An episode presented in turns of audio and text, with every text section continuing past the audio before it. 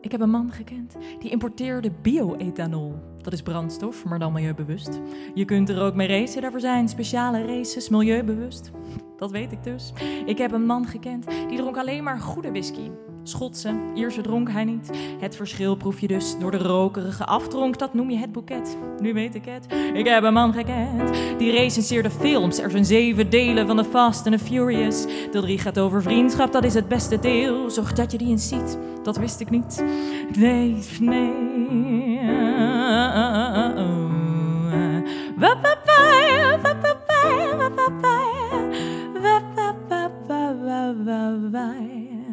heb een man gekend die zei dat Mozart eigenlijk Theophilus heet. Dat is Grieks voor vriend van God. In het Latijn is dat Amadeus. Dat heeft hij zelf vertaald, maar hij zei liever Amadee.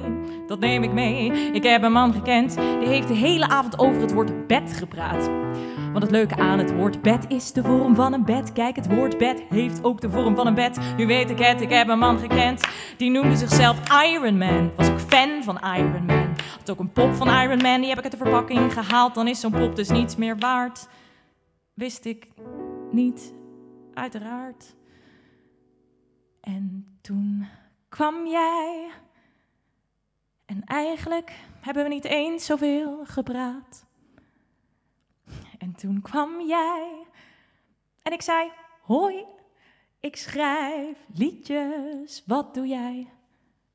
En jij zei: Hoi, ik ben hem dan, de man die jij niet in één couplet wachten kan. Dankjewel.